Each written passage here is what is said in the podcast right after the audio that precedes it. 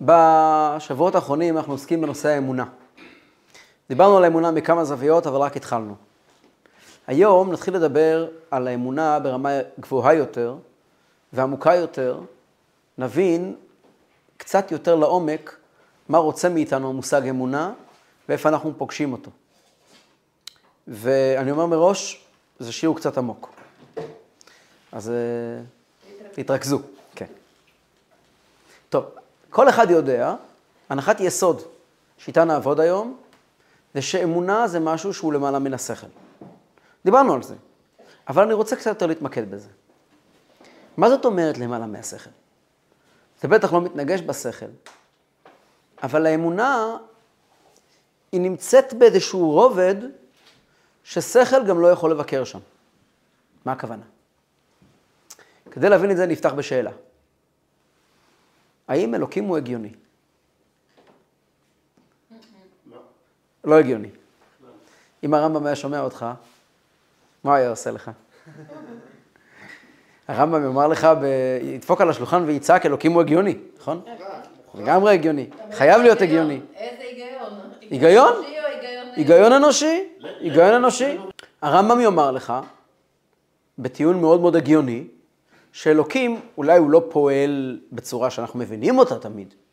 הוא לא חייב להסביר לנו כל דבר, אבל בוודאות הנוכחות שלו, המציאות שלו, ההתנהלות שלו היא הגיונית. היא חייבת להיות הגיונית.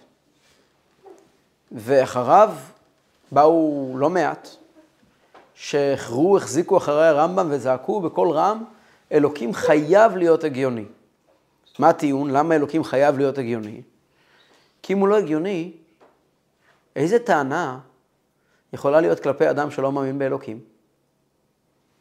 מה יבוא ויאמר, חיפשתי ולא מצאתי. אם אתה מגיע ואתה אומר לי שאלוקים הוא לא הגיוני, אז על בסיס מה אתה יכול להגיע לאנשים בטענות ותביעות שהם עוברים על חוקי האלוקים. הם יאמרו לך, אלוקים הוא לא הגיוני, ואני עושה מה שבא לי. זאת אומרת, לא יכול להיות שמורה ייתן לתלמידים מבחן על חומר שהוא לא נותן להם ללמוד אותו. לא יכול להיות, זה, זה נגד חוקי המשחק. אם אנחנו, אם לאלוקים יש איזושהי תביעות מאיתנו, ואם הוא עומד מולנו מול, באיזשהו דין ודברים, הוא רוצה מאיתנו, יש פה איזשהם תביעות, נכון? יש איזשהם חובות וזכויות ו- ו- ו- וגמול ושכר ועונש ובחירה חופשית. כל המערכת הזאת היא לא יכולה להתבסס על איזה רגש נעלם. היא חייבת לשבת על משהו שהוא, שהוא נתון להוכחה, משהו שהוא מוצק, משהו שאפשר לשים לו ידיים ורגליים. אחרת, איזה טיעון יש בעולם כלפי מי? ו- ולכן, הרמב"ם עבד קשה מאוד, לא כל כך קשה, כי זה די פשוט, אבל, אבל, אבל הוא הלך עם זה עד הסוף, שאלוקים הוא הגיוני. המקובלים, שהתחילו את עיקר פעולתם בספרד, האמת, הם התחילו באשכנז, עוד בימי הרמב"ם, אבל התפוצה הספרדית שלהם, שהיא התפוצה היותר משמעותית ויותר מכריעה של המקובלים, מקובלים היסטורית, הם בעיקר היו באשכנז, לא בספרד. אבל באשכנז בכלל רציונליות מעולם לא הייתה מדד לשום דבר.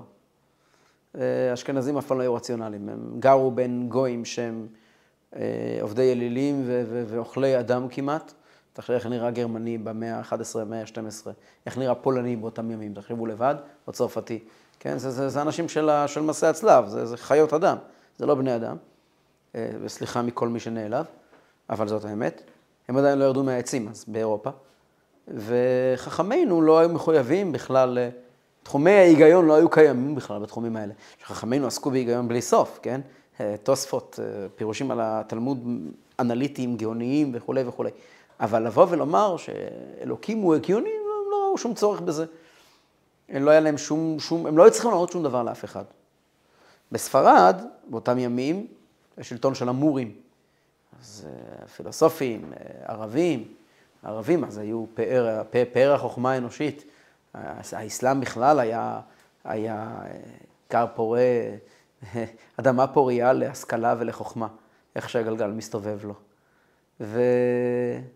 ובספרד, חכמי ישראל בספרד, שהיו כולם גם אנשים מאוד מקובלים בחברה המוסלמית, אפילו אחר כך הנוצרית שהתחילה לחלחל לשם, גם הנוצרים בספרד היו חייבים להיות מושפעים מהמורים שלפניהם. ו, ובספרד באופן כללי היה תנועה רחבה של השכלה. וכשהגיעה הקבלה לספרד, היא קיבלה כלים מאוד מאוד, אה, נכתבה בידי אנשים, קודם כל ענקי עולם, גדול מבשרי הקבלה היה הרמב"ן, שהיה מטופש להסביר עד כמה גדול הוא היה, ואיזה איש אשכולות ואדם קוהרנטי הוא היה, אבל בספרד נכתבה הקבלה בכלים מאוד מאוד אה, מובנים ומאוד מאוד מסודרים, כמעט בשבלונות. ממש לא הקבלה האשכנזית. וזו הקבלה בעצם שהמשיכה עד ימינו, זה, זה עיקר הקבלה. זאת אומרת, הרמ"ק והאריזל, הם יושבים על הקבלה הספרדית. הם, הם התפתחויות עצומות שלה, כן? אין כל כך מה... יש הרבה, יש, יש הרבה מרחק ביניהם, אבל משום מהקבלה הספרדית. המקובלים הספרדים הגיעו וטענו, מה פתאום? אלוקים הוא לא לוגי. הוא לא מחויב ללוגיקה. האם אחד ועוד אחד שתיים זה מוחלט? אולי גם זה נברא? גם הטיעון שאחד ועוד אחד שתיים זה אחד מחלקי הבריאה. זה לא היה לפני הבריאה. והרמב"ם יטען, ותלמידי הרמב"ם יטענו, אחד ועוד אחד שתיים היה תמיד ויהיה תמיד. ישנה שאלה מפורסמת, ששואל אחד מאנשי הפילוסופיה החשובים, אה, בעל העקדה. הוא שואל, אה, לא, זה לא בעל העקדה, זה בעל העיקרים. בעל העיקרים, רבי יוסף אלבו, כתב ספר מקסים בפילוסופיה. הוא חולק על הרמב"ם בכמה עקרונות, אבל באופן כללי הוא הולך בדרכו של הרמב"ם. והוא שואל את המקובלים, תסבירו לי רק דבר אחד, אם אלוקים הוא לא הגיוני, איך נדע במה להאמין? יש פה ויכוח מאוד מאוד חזק בין המקובלים לבין הפילוסופים. אגב, ויכוח שגם הגיע בשלב מסוים ממש למריבה. היה ממש קרע בין אה, פילוסופים למקובלים. אבל אה, בדורות יותר מאוחרים, גם הפילוסופים שקמו אחר כך, ידעו לשלב בין השניים. השאלה היא מי צודק, המקובלים או הפילוסופים. אז ברור שכחסידים, ברור לנו שהמקובלים צודקים. נו, אז מה נענה על שאלת הפילוסופים? האם הרמב"ם חלילה וחס, אה, טיעון הוא טיעון טוב. אלוקים, אלוקים, אלוקים אה, חייב, לה, חייב לענות על אה, שאלות לוגיות, נכון? אחרת, איך נדע במה להאמין? וההסבר הוא, הוא הסבר מאוד מאוד חשוב שיקח אותנו בעצם לעומק השיעור שאני רוצה לדבר היום. אין שום מחלוקת בין המקובלים לבין הפילוסופים. שום מחלוקת.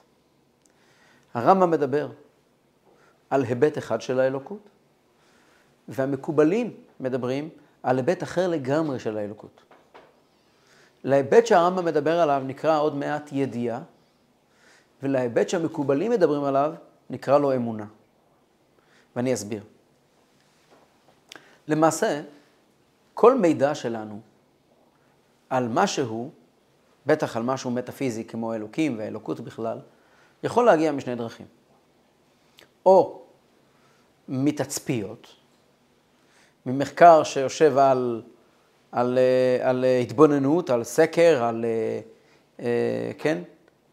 או מהתגלות. הלעג הכללי שלנו מהנצרות, למשל, זה שהנצרות יושבת על התגלות נטו. הם מגיעים וטוענים, מישהו התגלה למישהו ואמר לו משהו. ועכשיו כולם צריכים להאמין בזה כי זה עושה לנו טוב על הלב. וחכמי ישראל ישבו וצחקו מהם, אתם מבלבלים את המוח. אף אחד לא התגלה לאף אחד, אף אחד לא היה שם, אתם מדברים שטויות. באיזשהו מקום הפילוסופים טענו נגד המקובלים, ואתם עושים את אותו הדבר. אתם טוענים שמישהו התגלה וסיפר סיפורים. זה לא יהדות, יהדות היא רציונלית, יהדות היא לא נצרות. האסלאם לא יושב על התגלות במהות שלו. הפילוסופיה האסלאמית יושבת על היגיון. הם מאמינים בכל אחד באמת. אבל אם אנחנו אומרים שיש תצפית, כן, ויש התגלות, זה בכלל לא חייב להיות אותו הדבר. אני יכול באמצעות תגלית לגלות א', ובאמצעות התגלות לגלות ב'. הדוגמה הכי טובה לזה זה אברהם אבינו. חז"ל מספרים את סיפורו של אברהם אבינו, ראש המאמינים. הם מתארים אותו כמישהו שהולך ורואה בירה מה זה בירה? בירה זה עיר, הוא רואה עיר, עיר פועלת, עיר מתפקדת. בימינו נקרא לזה מפעל. מפעל ענק, עם אלפי מכשירים שמתקתקים בדייקנות, וכולם פועלים באופן מאוד מאוד מאוד מדויק. אברהם אבינו היה פילוסוף ענק.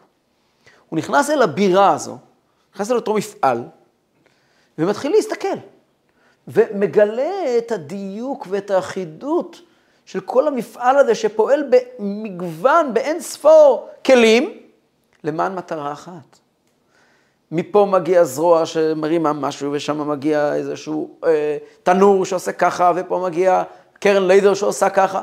מפעל מטורף שפועל בצורה מדויקת, והוא אומר, תאמר שלבירה הזו אין, מנה, אין, אין, אין בעל הבית לבירה הזו, יכול להיות שאין מישהו שמנהל את זה? מה, זה יכול להתנהל לבד? אגב, אני אעשה פה עצירה קטנה. בשונה מהמדובר היום, הוא לא אומר, תאמר שאין מישהו שבנה את הבירה הזאת. היום עיקר הוויכוחים, האם יש בורא לעולם. בימיו של אברהם אבינו לא הייתה שאלה שיש בורא. הייתה שאלה האם הוא מנהל את העולם. שאלה אחרת לגמרי. גם הרמב"ם לא עוסק בשאלה האם יש בורא. הוא שואל, השאלה העיקרית שעוסקים בה, זה האם הבורא מנהל את העולם. כן? האם הקדוש ברוך הוא עדיין פה? האם הוא עדיין מנהל את העולם? ומגיע אברהם אבינו ואומר, תאמר שהבירה הזו, אין בעל הבית לבירה הזו? ואז הציץ עליו בעל הבירה, ואמר לו, אני הוא בעל הבירה. שימו לב, יש כאן תהליך שהשיא שלו זה הכרה בעקבות תצפית. אחרי ההכרה בעקבות תצפית, באה ההתגלות. כאשר מגיע בעל הבירה ומתגלה ונחשף, הוא גם יכול לספר על עצמו. הרמב"ם לוקח אותנו במסע מרתק להוכיח את נוכחות האלוקות בעולם. אם תרצו, אני אעשה את זה עוד מעט בקיצור, את תמצית דברי הרמב"ם הפילוסופיים במורה נבוכים. המקובלים בכלל לא, הם מתחילים במקום שהרמב"ם סיים, הם לא חולקים על הרמב"ם. אתה מאה אחוז צודק, אומרים לרמב"ם, הגעת למסקנות הנכונות והן מוכרחות על פי השכל. אחרי שהגעת לשם, בוא נתייחס למה שהוא גילה לנו עליו. וזה מדובר על רמה אחרת לגמרי, על קומה אחרת לגמרי. זה יכול לחיות בכפיפה אחת. הטיעון כלפי מי שלא מאמין לא יהיה מכוח ההתגלות, יהיה מכוח ההוכחות, מכוח ההיגיון. בגדול ממש, מה, מה הטיעון הכללי של הרמב"ם? רק ככה בשביל, כדי לעייף את מי שעוד לא נרדם, אז הטיעון של הרמב"ם הוא כזה, טיעון מאוד מאוד מעניין פילוסופי. טוען ככה. אה, טיעון שהוא לא רק הוכחה, לא נמצאו רישומים אה, של אה, חלקיק אלוהי בתוך משהו. זה לא רק הוכחה, זה גם הסבר. זה גם באיזשהו מובן, כיוון שהאלוקים הרמב"מיסטי הוא אלוקים הגיוני, אז חשוב להבין את ההיגיון כדי לדעת על מה הוא מדבר. כדי להבין לא רק האם יש אלוקים, אלא כדי להבין מה אתה מתכוון כשאתה אומר אלוקים. אז הטיעון שהרמב"ם אומר הוא ככה. באופן כללי, ישנם שני מושגים מוחלטים. ישנו מושג שנקרא אפשרי המציאות, וישנו מושג שנקרא מחויב המציאות. מה זה אפשרי המציאות? למעשה כל דבר הוא אפשרי המציאות. ואני אתן דוגמה אחת אחרי השנייה. הנה לנו הכוס הזאת. הכוס הזאת היא, היא כל כולה אפשרי המציאות. מה הפירוש? חוץ מזה שכתוב פה שמעובה ומשווק על ידי שגיב או סניב תעשיות נייר, שזה כבר מספר לנו שזה רק אפשרי המציאות, כי סניב תעשיות נייר פשטו רגל או עוד לא, הם בכלל לא חייבים להיות. הם נוצרו אתמול וימותו מחר, לא הם חלילה וחס. הנייר הזה, הוא יצ... זה עשוי מנייר שיוצר היכן שהוא, נכון? יש פה דבק שיוצר היכן שהוא, ויש פה מכשירים שהלכו ובנו את כל זה בצורה מסוימת, ויש, אתה יכול גם בלי לדעת להסתכל על הכוס ולומר כמה תהליכים עברו עליה, מינימום, מינימום. מדובר פה על לפחות עשרה תהליכים שונים, נכון? מעץ לכוס, לשתייה חמה. כל אחד מהתהליכים האלה לא חייב היה להתרחש. אפשרי, אז הכוס הזאת שעברה לפחות עשרה תהליכים מלהיות עץ ביער ב... מי יודע איפה, בברזיל. לנייר שכתוב עליו טאץ' בישראל, עברה כמה תהליכים, וכל אחד מהתהליכים האלה לא חייב היה להיות. זאת אומרת שזה רק אפשרות. המציאות שאני מחזיק ביד שלי היא רק אפשרות. זה יכול היה, העולם יכול היה להתקיים טוב מאוד גם בלי זה. אז זה נקרא אפשרי המציאות. במובן עמוק מאוד, אפשר לומר שזה לא באמת נמצא פה. למה זה לא פה? הוא טכנית פה. טכנית הוא כאן. אבל בדיוק כמו שהוא כאן, הוא גם יכול היה לא להיות כאן, אז הוא לא כאן. הוא לא כאן באופן, בצורה, בצורה, בצורה של ברזל, כן? הוא לא חייב להיות כאן. מה שדיברנו על הכוס נכון כלפי הבית הזה, נכון כלפי האדמה הזאת, נכון כלפי החיים של כולנו, נכון כלפי כל דבר שאנחנו מכירים. כלפי מה זה לא נכון? אז קודם כל, זה אולי לא נכון כלפי חוקי, חוקי טבע מאוד מאוד, מאוד מאוד מוגדרים. את מרבית חוקי הטבע אנחנו לא מכירים. אנחנו מכירים את חוקי הטבע שוב פעם באמצעות סטטיסטיקות. הדרך שלנו לדעת אה, חוקי הטבע בגדול הם סטטיסטיקות. אנחנו לא באמת יודעים מה גרם לחוקי הטבע. סביר להניח שגם חוקי, חוקי הטבע הם לא, דבר מול, הם לא דבר מוחלט, הם דבר שיש משהו שגרם לו. מכיוון שא', ב', ג', ד', ה', ו', לכן זהו, זה, זה וזה חוק הטבע. יכול היה להיות אחר, אחרת. זאת אומרת, העובדה שיש גרביטציה, אמנם זו מציאות מאוד מאוד חזקה, שכל העולם מתנהל על פיה, אבל גם לה כנראה יש סיבה. ואם יש לה סיבה, אז גם הגרביטציה היא לא דבר שהוא מוחלט. היא גם אפשרי המציאות. כל דבר שהוא אפשרי המציאות מספר לי שיש משהו שהוא מחויב המציאות. למה? כי אם הכוס הזאת היא לא פה, אבל היא פה, מישהו הביא אותה לכאן. זאת אומרת, כל שלב מספר לי על השלב הקודם. אני בוודאות יודע, זה אפשרי המציאות. אני בוודאות יודע אבל שיש לזה יצרן. היצרן הוא גם אפשרי המציאות. אני בוודאות יודע שיש לו חומרי גלם. חומרי הגלם גם הם אפשרי המציאות. אני אלך אחורה ואחורה ואחורה, אני אראה שכל העולם יושב באופן פילוסופי על, על איזושהי אמיתה אחת. אחרת, הכל אפשרי המציאות. אנחנו לא חיים בשום מקום. מהי אותה אמיתה אחת שאנחנו קוראים לה מחויב המציאות? זה יכול להיות רק אחד. כי כל דבר שהוא שניים הוא אפשרי המציאות. למה? כי כל דבר מוגבל באיזושהי הגבלה. אם יש שניים, אז למה אתה, למה אתה א' ואתה ב', אולי אתה ב' ואתה א'? כאילו, מה מגדיר אותך? אה, יש לי הגדרות. יש לך הגדרות, אז אתה מוגדר בהגדרות שלך, אז אתה אפשרי, אתה לא מחויב. כל דבר שיש לו איזשהו טבע, איזושהי הגדרה, הוא, הוא, הוא, הוא אפשרי, הוא לא מחויב. מילא, הגדרה הפילוסופית לאלוקים זה מחויב המציאות, או אחד האמת.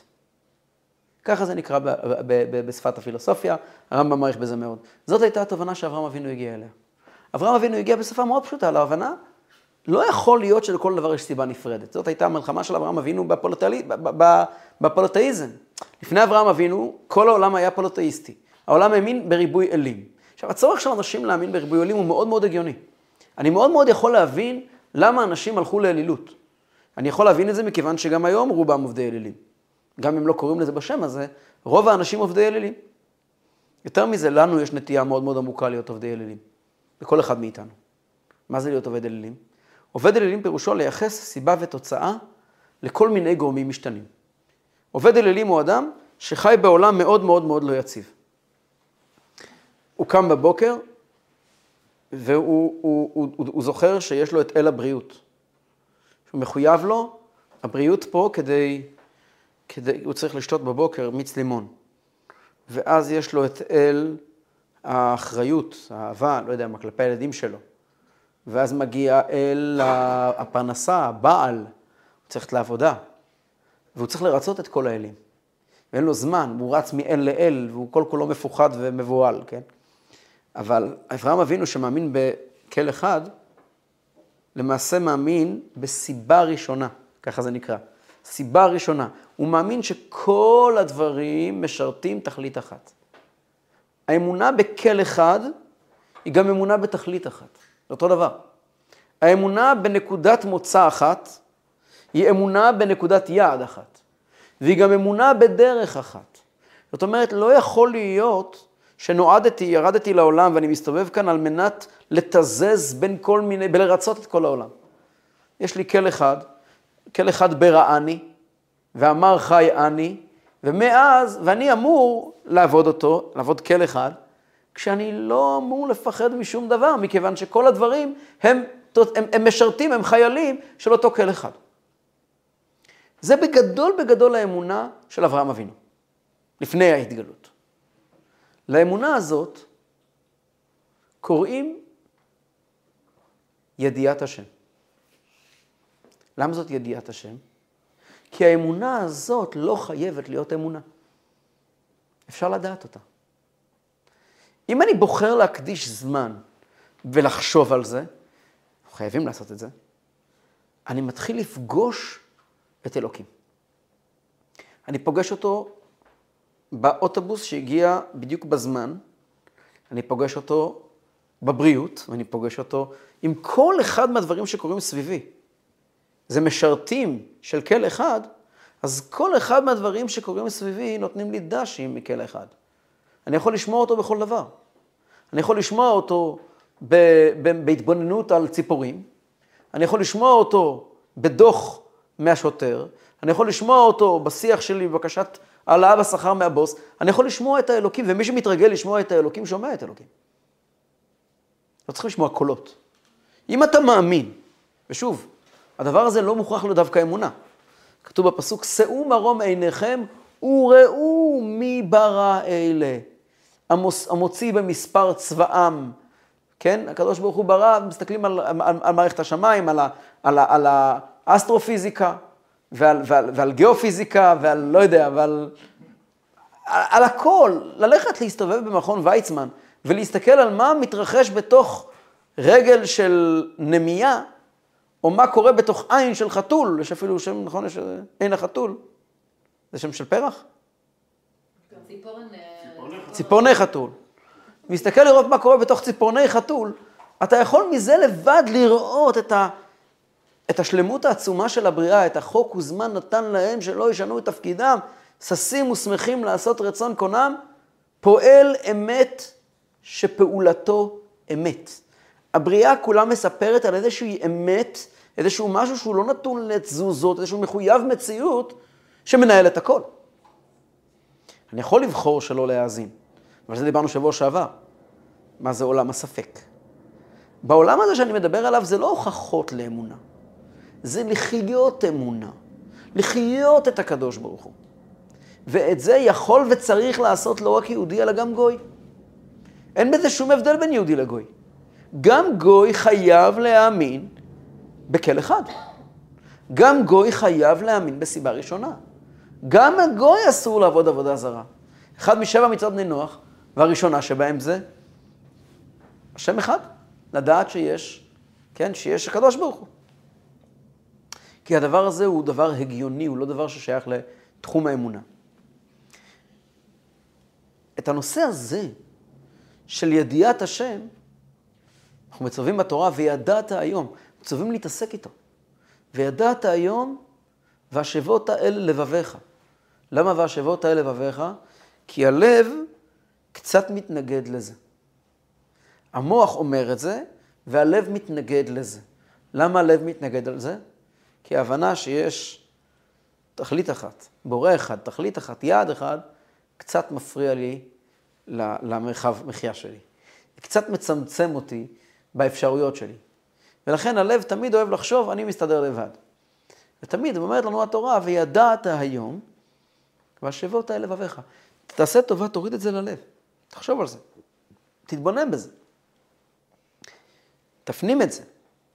למעשה, כל תהליך התפילה, או חלק גדול ממנה, התפקיד שלו לקחת אותנו כל בוקר מחדש למסע שמביא אותנו להכרה במציאות השם. להביא אותנו למסע של, אנחנו הולכים ומדברים על, על, על, על נותן לחם לרעבים ועושה משפט, משפט לעשוקים, והשם אוהב את גרים, ומתארים אש וברד, שלג וקיטור, רוח שערה עושה דברו, הערים וכל גבעות. הולכים ומתארים את כל הברואים כדי להגיע לסוג של שטיפת מוח. להגיע לאיזשהו תהליך פנימי עם עצמנו, שידיעת השם הופכת להיות משהו מאוד מאוד חד אצלנו. ממטושטש למשהו מאוד חד, לא, ל, לא למשהו שאני בערך נמצא לי בבקראונד של המוח, שפעם שמעתי ופעם חשבתי על זה ועברו מאז עשר שנים. חשבתי על זה הבוקר. חשבתי על זה הבוקר, עד הקדוש ברוך הוא נוכח. הקדוש ברוך הוא נוכח כאן, הקדוש ברוך הוא נוכח בכל צעד שלי, הקדוש ברוך הוא נוכח בכל מה שאני עושה. בצורה כזאת אדם הופך להיות אדם מוסרי. כי המוסריות, המוסריות קשורה בחבלי אבותות עם האמונה בכל אחד. כי האמונה בכל אחד לתכלית אחת אומרת שיש תכלית, יש יעד. יש סיפור מפורסם שהרבי הקודם ישב בכלא, הרבי מלובביץ', רבי יוסף יצחק, והחוקר, קומוניסט, אומר לו, תדבר. הוא אומר לו, הוא לא רוצה לדבר, לא רוצה לספר. אז החוקר מוציא אקדח קטן מהשולחן, מהמגירה, מניח על השולחן, ואומר לו, צעצוע זה פתח הרבה פיות, הרבה אנשים שלא רצו לדבר, זה צעצוע, פתח להם את הפה. הרבי הקודם מסתכל עליו בשלווה, ובחצי חיוך אומר לו, הצעצוע שלך יכול להפחיד מי שיש לו הרבה אלים ועולם אחד. לי יש שני עולמות וכל אחד. והצעצוע הזה לא מפחיד אותי. הרבי הקודם מאשים את הקומוניסט האתאיסט באלילים, בעבודת אלילים, יש לו הרבה אלים. מה, מה, מה, מה, מה הוא טוען? מה הטיעון כאן? אומר לו הרבי הקודם דבר נורא הגיוני. אתה בתור עובד אלילים, גם אם תגיד שלא, אתה עובד הרבה מאוד פרינציפים. עכשיו אתה קומוניסט כי זה מה שהכי משתלם לך. ואתמול אתה היית, עכשיו אתה מרקיסיסט, ולפני כן היית, לפני שהיה מהפכה, אתה היית בכלל אה, בעד הצאר, ומחרתיים כשישתלם לך אתה תהיה משהו אחר לגמרי. ותוך כדי אתה גם עובד את חמותך ואת אשתך ואת המפקד שלך, אתה עובד הרבה הרבה מודלים, אתה מונע מהרבה מאוד סיבות, ויש לך רק עולם אחד. ואתה מרכז העולם שלך, והדבר הזה מאיים לך מול כל הפרינציפים, הדבר הזה הוא הדבר היחידי שמאיים עליך. כי הרי פרינציפים אפשר להחליף כמו גרביים. והאקדח הזה אבל יגדע את שירת חייך. לא יהיה מי שיתרוצץ בכל מקום כמו עכבר, כמו עכבר במעבדה. אז אני מבין למה האקדח הזה יפתח לך את הפה. אני אבל מאמין בסיבה אחת. אני מאמין בסיבה אחת, בכל אחד. כל אחד שברא אותי, שברא אותך, שברא את סטלין, שברא את לנין, שברא גם את המערב, שברא את כולם, שברא את הקור וברא את החום. אני מאמין בתכלית אחת, הכל הולך למתוך תכלית אחת. ואם תהרוג אותי, לא נורא בכלל, כי יש שני עולמות. כלומר, הקיום שלי הוא לא הדבר המוחלט. הקיום של האלוקים הוא הדבר המוחלט, ולכן אתה לא יכול, אתה לא יכול להפחיד אותי. כמו שאמרו חכמינו, מי שמאמין לא מפחד. אין לי מושג מי החכם שאמר את זה, אבל הוא אמר טוב. אז אה, אגב, אין לי מושג מה, מה המשך המשפט. את האמונה נאבד? מה זה אומר? אין לי מושג מה זה אומר. בסדר, לא נורא, לא צריכים יותר מדי לדייק בשירים של זמרים. אבל המשפט הנכון של מי שמאמין לא, לא, לא, לא מפחד, זה נכון, זה הגיוני לגמרי. אצלנו ברוסיה היו אומרים, нет, нет никаких богов, кроме Бога одного. כן, אנחנו לא מפחדים. למה? כי יש לנו כל אחד, ויש קשר בין אין פחד לכל אחד, זה דבר אחד. אחרי זה, אחרי הידיעה, מגיעה האמונה. אמונה זה משהו אחר. מה זה אמונה? אז נדבר כמה שיותר לנו הזמן, וכמובן יש לנו עוד הרבה חומר למפגשים הבאים. ההבדל בין התגלות לאלוקים האמפירי, כן, לאלוקים שמגיעים אליו באמצעות תצפית, באמצעות הוכחות, הוא הבדל עצום. הוא ההבדל בין מה אני מסוגל לדעת עליך, לבין מה אתה מספר לי על עצמך. שני סיפורים אחרים לגמרי. האלוקים של וידעת, האלוקים של הרמב"ם, כאילו, הרמב"ם היה לו אלוקים הרבה יותר גדול, אבל שיוצא מכתבי הרמב"ם האלה, הוא אלוקים שהמרכז שלו זה העולם. כלומר, אני פה, אני, אני, אני כאן נמצא, ואני מסתובב סביבי ומחפש, אני סוקר, כן? ואני מגיע למסקנה שיש בעל הבית לבירה הזו, אני מסכים, מגיע למסקנה שהכל נברא באמצעות בורא אחד, והכל הולך ליעד אחד. אבל המסקנה הזאת כשלעצמה מספרת רק מה קורה לי, או מה קורה לעולם סביבי. היא לא מספרת לי כלום עליו. מה אני יודע עליו? איך קורא לזה הרמב"ם? הרמב"ם מגדיר את המחויב המציאות בעוד שם. ידיעת השלילה. כל דבר שיש לי פה ידיעת החיוב, הוא דבר מאוד מוגבל. ידיעת החיוב, מה אני יודע באופן חיובי על הכוס הזאת, היא הרבה מאוד. ככל שאני הולך ואני מתעלה לעולם של מושכלות, אני מתחיל לדעת פחות ופחות, והידיעה שלי הולכת ונעשית שאני לא יודע. מה אני יודע על אלוקים? אני יודע עליו שהוא לא שתיים, שאין לו גוף, אגב, לא הגוף גשמי, גם לא גוף רוחני, מכיוון שאם היה לו זה היה אפשרי המציאות ולא מחויב המציאות. אני יודע שאין לו גוף, אני יודע שאין לו... אין לו רגשות. אין לו מחשבות. אין לו מחשבות, נכון. אני יודע מה אין לו.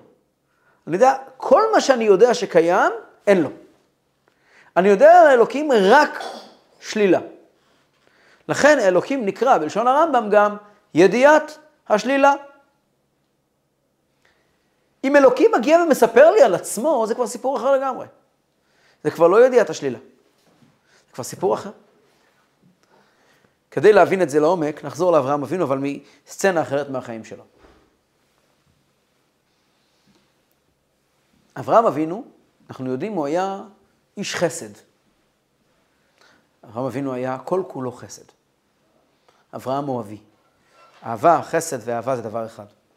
הוא אהב את השם, הוא אהב אנשים, כל הפעילות שלו נבעה, נבעה מהמון המון אהבה. מתוך אהבה הוא הלך וסיפר לכולם על הנוכחות האלוקית. הוא אהב ואהב ואהב. אנחנו, אחד מהסצנות המפורסמות בחייו של אברהם אבינו, וירא אליו השם באלוני ממרא, והוא יושב פתח האוהל כחום היום. למה אברהם יושב בפתח האוהל כחום היום? אומרים חז"ל, רש"י מביא את זה למקום, הוא מחפש אורחים. בואו נעשה cut, נעצור רגע את הסרט וננסה לחשוב מה אמרנו עכשיו. אברהם מחפש אורחים. מה זאת אומרת אברהם מחפש אורחים? האם האורח בא לענות על צורך של אברהם, או אברהם בא לענות על צורך של האורח? לכאורה, תפקידו של איש חסד זה לענות על צורך של אנשים שזקוקים לחסד. אבל אצל אברהם אנחנו רואים משהו אחר. הוא לא רק בא לענות על צורך של אנשים שצריכים חסד, הוא גם בא לענות על הצורך שלו לספק חסד. הרי אין אורחים עכשיו. כשהוא יושב בפתח האוהל כחום היום, הוא אומר, אולי יעברו כאן אורחים, או הוא הולך לחפש אורחים. הוא מתפלל שיגיעו אליו אורחים. למה אתה צריך אורחים? הוא אומר, אתה לא קולט, כשאני רואה אורח, אני לא רואה את האורח, אני רואה אותי. לי יש צורך בלתת חסד. איש חסד אמיתי, זה נהיה, זה הנושא שלי. חסד, אהבה, אדם שאוהב, אז הוא מעניק אהבה. מי שמעניק אהבה, זקוק למישהו שיקבל את האהבה. זאת אומרת שמבחינה עמוקה, מי שמקבל את האהבה, הוא בסך הכל ניצב בסרט שלו. אתם מבינים מה אני אומר? כשאני מעניק אהבה לילד שלי, קורים פה שני דברים במקביל. דבר ראשון, הילד זקוק לאהבה. אבל בינינו, כשאני מלביש ילד בן חצי שנה בבגדים יפהפיים, אני לא אוהב את הילד. אני בסך הכל זקוק לבובה כדי להלביש אותה בבגדים יפים, נכון? אותה אימא שצריכה, יהיה לה ילדה להלביש אותה בבגדים ורודים? אז הילדה מסכנה, לא מסכנה, הכל טוב, אבל זה חלק מהטבע שתשבור הוא ברא. זה האימא שזקוקה להלביש אותה, זה לא קשור לילדה. הילדה היא ניצבת בסרט של אימא שלה. זאת אומרת שישנם שני מבטים על כל הסיטואציה. יש מבט אחד שאומר, בואו נספר את הסיפור שלנו.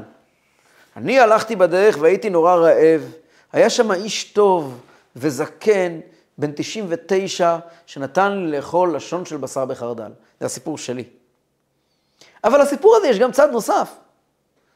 היה בוקר, הרגשתי מאוד מאוד לא טוב, של יום השלישי למילה, והייתי חייב לעשות חסד, והקדוש ברוך הוא זימן לי את האיש הזה, שאני אוכל לתת לו לשון של בשר בחרדל.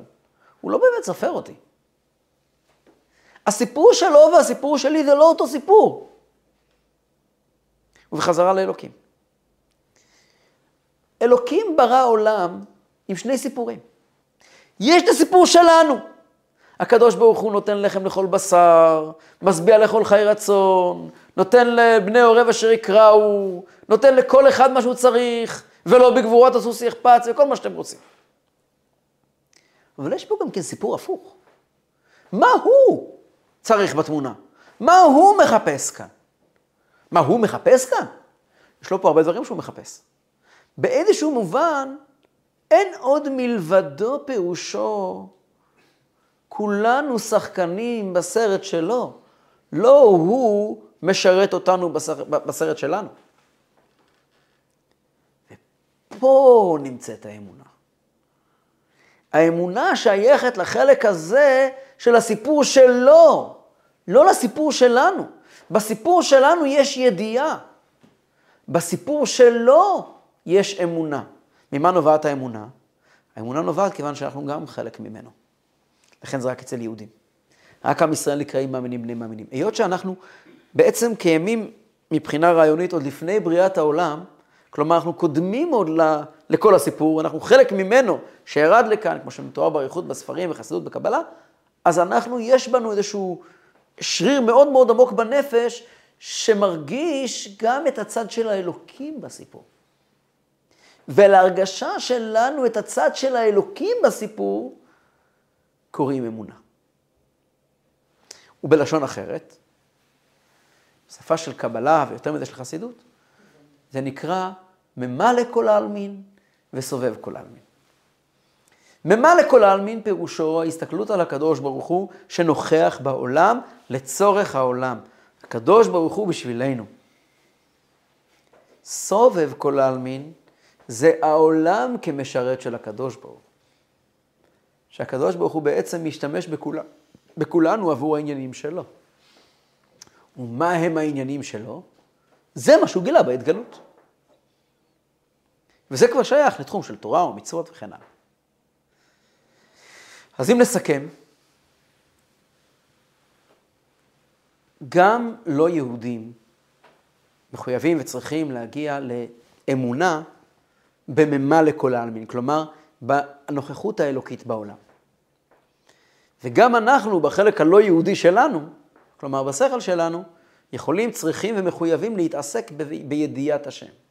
מהי ידיעת השם? להנכיח אצלנו, לראות את הקדוש ברוך הוא שמדבר אלינו מהצמח, מהצמחים ומהשיחים, מהרעש של המכוניות וממחזוריות המים בטבע וממערכת האקולוגית הסגורה של שלולית החורף של חולון. כל אחד מאלה מספר לנו על מלך יחיד חיי העולמים. כל אחד מאלה מספר לנו על כוח אלוקי שמנהל את העולם כל הזמן. תאמר שלבירה הזאת יש בעל הבית לבירה זו. ההתעסקות בזה היא מחויבת, וידעת היום. דיברנו על זה גם פעם שעברה, זאת הייתה צוואה דוד המלך לשלמה בנו, ואתה בני, אתה שלמה בני, דע את אלוקי אביך, ועובדהו בלב שלם ובנפש חפצה. אם לא תדע אותו, אם לא תתעסק עם זה, אתה תישאר מנותק, אלוקים יישאר משהו מרחף. בנפרד ובלי קשר, יש תחום של אמונה.